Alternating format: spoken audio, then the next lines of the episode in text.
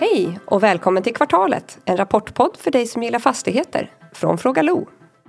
I detta avsnitt hör vi Niklas Zuckerman, VD för Logistea, kommentera bolagets rapport för fjärde kvartalet 2023. Intervjun görs av Sverrir Tor.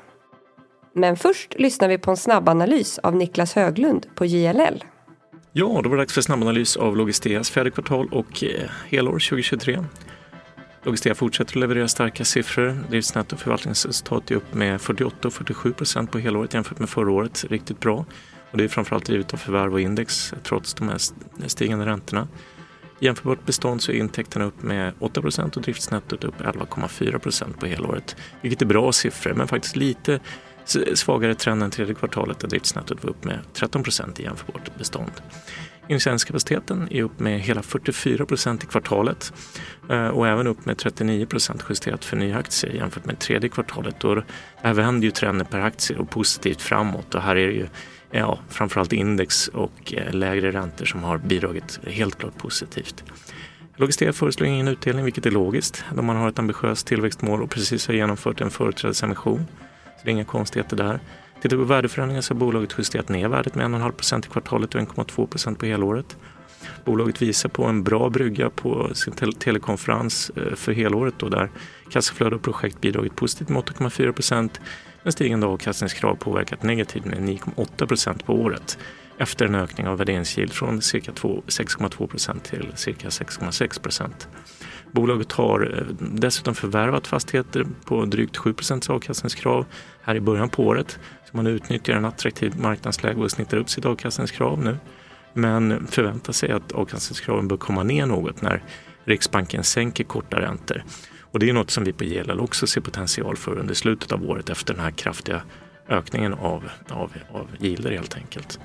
Substansvärdet då som är kombination av värdeförändringar, kassaflöde och emission är ner med cirka 1 procent i kvartalet drivet av omvärdering eh, och ner med 21 procent på året. Men det är framförallt kopplat till företrädesemissionen som gjordes på 6,5 kronor per aktie jämfört med förra årets substansvärde på 16,80 och dagens substansvärde på 13,30. Det här förklarar helt klart mellanskillnaden här. Det finns ingen konsensusbild och få analytiker täcker bolaget än så länge men aktien faller drygt 5% på rapportdagen när den här podden spelas in. Och det här kan ju vara kopplat till att man inte föreslår någon utdelning eller lite svagare tillväxt i jämförbart bestånd. Men man ska ha klart för sig att aktien är upp med mer än 40 procent sedan förra presentationen eller sedan Q3 då, vilket sannolikt har dragit upp förväntningarna något i aktien. Eh, finansieringskostnaden vänder ner i kvartalet. Det här är riktigt positivt och landar på 4,7 procent jämfört med 5,2.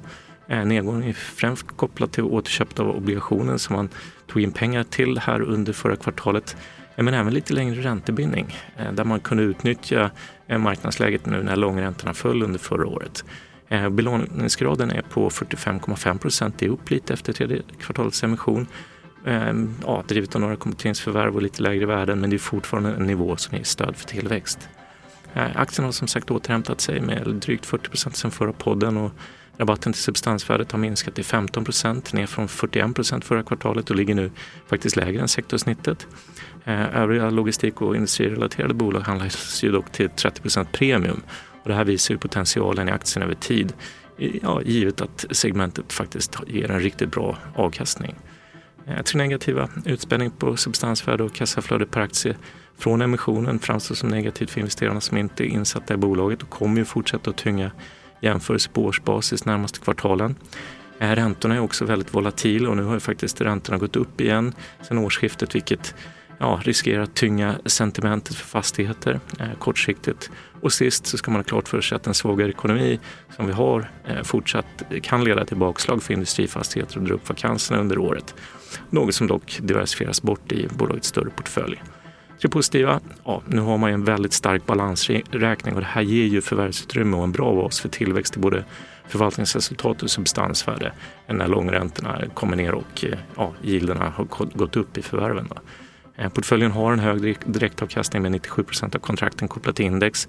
Det här in, underbygger intjäning vilket är tydligt i rapporten och kommer ge stöd eh, ja, även kommande år. Eh, särskilt i kombination med, med långa kontraktstider och låga vakanser som mer än balanserar den cykliska risken. Och sist men inte minst, aktien handlas till en högre rabatt eh, ja, vilket sticker ut positivt, eh, särskilt jämfört med andra noterade industribolag framför allt, som handlas med, med ja, som handlas med en, en skillnad på, på nästan 40 procent i värdering av substansvärdet. Och tillsammans med stöd från kassaflöde och, och redan höga räntor som fortsätter att underbygga potentialen i aktien från den här nivån med riktigt bra uppsida från förvärvsmöjligheter men med lägre finansiell risk, något som är en tydlig värdedrivare för aktien när räntorna stabiliserar sig och aktiemarknaden vänder. Hallå Niklas! Hej! Hur är läget? Ja, men det är jättebra. Hur är det med dig? Det är bara bra. Bara bra. Det känns som att det är vår, även om det regnar idag. I, idag är väl raka motsatsen till vår. Det är som du säger, det är regn och blåst och två plusgrader. Men, men det är inte snö och inte minusgrader. Inte snö, inte minusgrader. Men det är klart att uh, nu suktar man efter lite vår, så är ja. det. Igår hade vi nio grader i Skåne. Det är bättre. Det var väldigt trevligt. Och dimma som alltid på våren. Ja. Nåväl, eh, är det vår i Logistea? Eh, det är vår logistik. Logistea. Vi, eh, vi är nöjda med eh, 2023.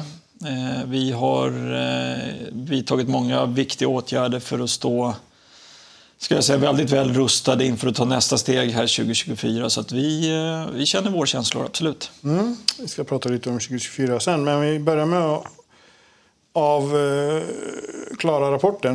Eh, ni gör ju en... Jag tycker den ser bra ut liksom, som du säger, det, det, ni står stadigt i vinden. Nej, men så är det. Vi står stadigt i vinden. Eh, vi, eh, vi har vidtagit åtgärder i form av emissionen då i somras som gör att vi kunde ta, ta bort i princip, eller stora delar av obligationen. Mm. Eh, det börjar synas i finansnettot, kommer få fullt genomslag i, i Q1. Eh, det var ju så att när vi köpte tillbaka obligationen så fick vi betala ett, ett litet överpris och det överpriset ungefär 4 miljoner eh, drabbar vi, drabbas vi av nu i, i det fjärde kvartalet men det kommer vi såklart inte göra framgent. Så det, det känns stabilt. Vi har en låg belåningsgrad. Mm. Vilket är viktigt eh, för, för många bolag, men, men kanske framförallt viktigt för ett bolag som Logistea som vill fortsätta växa. Eh, mm. Det är betydligt mycket lättare att kunna fortsätta växa om man kommer in med en låg belåningsgrad som för oss är, är lite drygt 45 procent. Så mm. Eh, ja, men och sen, som vi har diskuterat tidigare, vi har, vi har en, en bra ägarbas som, som vill att vi ska fortsätta växa och det är klart att det, det är en, en förutsättning för att kunna växa. Så det, nej men eh, det, det, känns faktiskt bra och om man tittar på rapporten som sådan Eh, i linje med vad jag tycker man kan förvänta sig. Eh, vi på helåret levererar eh, bra både driftnetton och förvaltningsresultat. Så mm. att, ja, det känns bra. Mm. Eh, apropå ägarbilden, nu har ju Slätte kommit in och tagit över stora delar av Ilias... alla, alla, alla Ilias aktier köpte de i, alla i somras. Ja. Eh, vad, alltså har det börjat utkristallisera sig vad det innebär för Logistea att ha en, en fondaktör som uppenbarligen har liksom pengar att tillgå? Eh, men vi har ju Slättu som du säger som största ägare. Vi har Nordica som är stor ägare och också liknande aktör som Slätte. Eh, jag skulle säga att vi har en väldigt aktiv styrelse. Mm. Eh, vi har nära till beslut. Vi har samsyn på att vi ska fortsätta växa. Mm. Eh, så att eh, det är väl det som är, liksom, jag ska inte säga att det är en stor skillnad för vi har alltid haft en aktiv styrelse, men, men, men eh, som sagt var, alla vill dra åt samma håll. Alla vill att vi ska växa och göra bra affärer och eh, bli ett, ett större Logistea på börsen. Mm. Mm.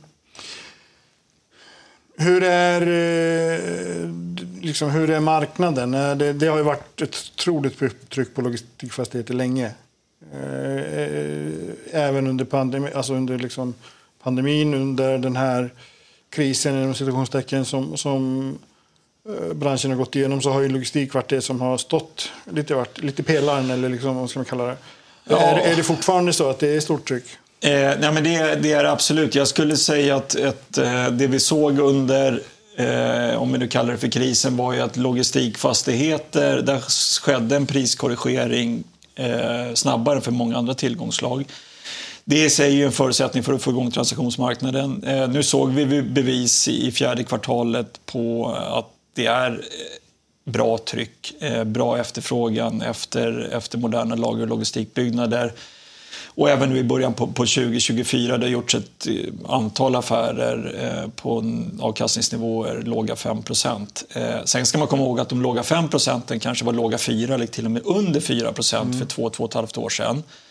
Eh, men vår uppfattning är nog snarare att yielden börjar takta ner något och vi skulle inte bli förvånade om vi kommer få se lägre yielder eller avkastningskrav 2024 ju längre vi kommer in på året. Av får, får, får jag bara avbryta där? Ja. Alltså, om vi går tillbaka fem år, tio år, då var ju låga 5 var ju helt otänkbart i logistiksegmentet. Eh, ännu lägre, ännu, ännu mer otänkbart. Alltså, är det hållbara nivåer ändå, om man säger så? Eh, jag skulle säga så här, och det är en av anledningarna jag tror att vi kommer få se större, större volymer inom lagerlogistiken inom många andra segment. Det är ju att om du kan köpa en Eh, du kan köpa en modern fastighet, du får en hyresgäst som är eh, väldigt bra. Eh, du får ett, säg, 8 eller 12-årigt hyresavtal. Mm. Och så köper du den på, säger vi, 5,5 eller 5,75. Idag kan du låna hyfsat långa pengar, alltså för svenska marknaden 3-4 år, eller säg 2-4 år med marginal på i storleksordningen 4 plus procent. Och, och, alla är överens om att, att räntorna är på väg ner så, så räntekostnaden på 4 någonting procent är antagligen lägre om några år och då om, om fastigheten avkastar 5,75 och vi har köpt fastigheter på 7 procent, det är klart att det känns ganska bra. Mm. Mm. Det, är en, eh, det är inte konstigt att fler gör den analysen och eh, helt enkelt ty tycker att det här är ett attraktivt tillgångslag. Mm. Så det vi såg nu i det, i det fjärde kvartalet om man tittar 2023 mot 2024 då var lagerlogistik ner 6% i omsättning medan många andra tillgångslag gick ner 40-50 Mm. Mm. Eh, så att som sagt vi tror att vi kommer att se ett ökat intresse eh, för vår typ av fastigheter. Eh, och eh, kanske lite, framförallt lite senare på året så kommer vi nog få se ett ökat intresse för lättindustrifastigheter också. Okay. Och den här eh, lägesrisken som man pratar om, liksom att kåken kan, läget kanske blir obsolet väldigt snabbt liksom, om, om, om kommunen eller staten bestämmer sig för att lägga vägen liksom, på ett annat håll? Är, den, är den liksom borta? Är den nej, nej, nej det, det, borta är den ju inte. Men, men jag skulle säga att den, den risken är inte större nu eh, jämfört med, med, tidigare cykler. Eh, däremot så kan man konstatera att som vi har pratat om många gånger, eh, e-handeln kommer över tid öka. Mm. Eh, vi ser fler och fler företag som flyttar hem produktion. Vi hade nog gärna sett att svenska staten gör ännu mer mm. för att möjliggöra stora etableringar i Sverige, vara med och konkurrera med andra nordiska länder, med resten av Europa och, och USA eh, i form av stödpaket. Mm. Är man villig att satsa lite så finns det många etableringar nu som kommer flytta från andra delar av världen till Europa och USA. Eh, men, men, den trenden kommer fortsätta, som vi har pratat om också tidigare. Att det, och det börjar ni märka? Liksom, att det ja, men vi, vi börjar märka det. Sen är det klart att det, vi kan också konstatera att i, i Finland till exempel ser det ut att gå lite snabbare. Alltså li, lite mer flexibla eh, förhållningsregler till vad man kan ge för, för stödpaket till etableringar. Så att, eh, och där är det viktigt att Sverige ligger i framkant och att vi alltså gemensamt säkerställer att det är ett, ett attraktivt land att, att verka inom. För det är klart att får man hit en fabrik, eh, ett antal tusen anställda och ett antal kanske hundra eller flera hundratusen kvadratmeter yta. Det i sig kommer ju skapa underleverantörer och ytterligare mm. lagerhållning och nya vägar och så vidare. och Så vidare. Så det är jätteviktigt att vi tar tillvara på det skiftet som nu håller på att ske, att man flyttar, flyttar produktion från vissa delar av världen till, till Europa och, och USA. Mm. Nato.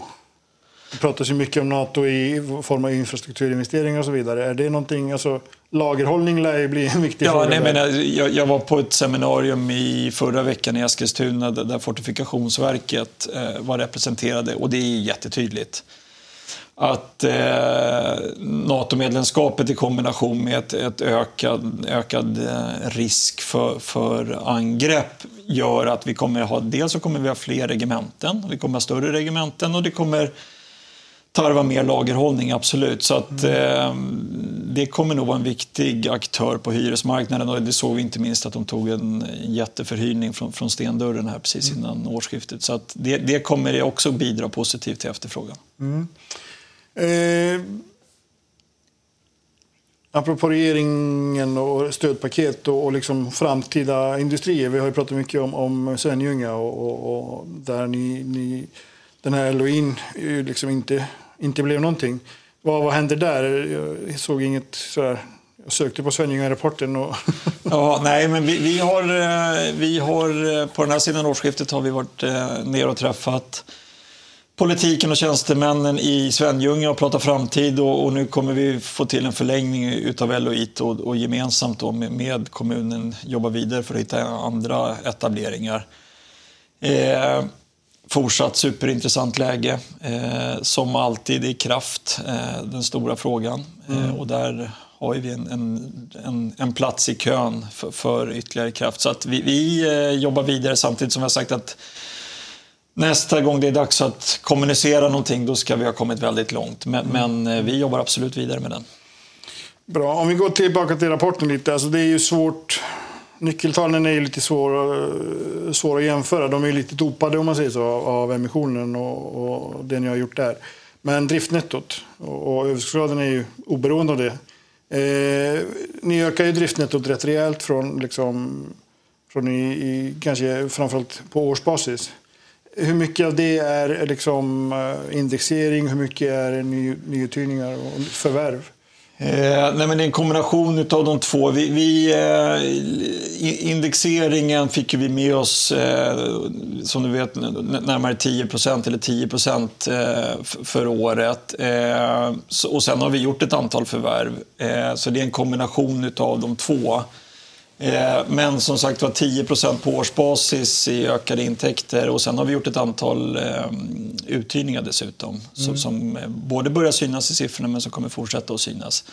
Eh, på året har vi en nettouthyrning på 9 miljoner kronor ungefär. Det är ja, för, oss, för oss bra volymer. Mm. Ni höjer ju driftnettot på, på kvartalet med 10 från mm. 60 till 66. Ganska bra att göra det. det är 10% är lätt att räkna ut. Men men eh, det har varit ett, liksom, hösten var ju rätt snötung. Eh, påverkar det eller? Det gör det. Eh, för vi, vi, vi som många andra är säsongsberoende så att Eh, sommarkvartalen eh, är bättre för oss, så är det. Vi, vi har fortfarande ett läckage i, i kostnader så att eh, snö och framförallt el och uppvärmning gör att vinterkvartalen ser sämre ut än, än sommarkvartalen. Så är det fortsatt. Och då så är det väl bara. Det är liksom, vi, lever, vi, bor, vi bor där vi bor, så att säga. Eh, ja, men vi bor där vi bor. Samtidigt är det så att vi eftersträvar så, så stor andel kontrakt och fastigheter som möjligt där hyresgästen står för all el och all värme.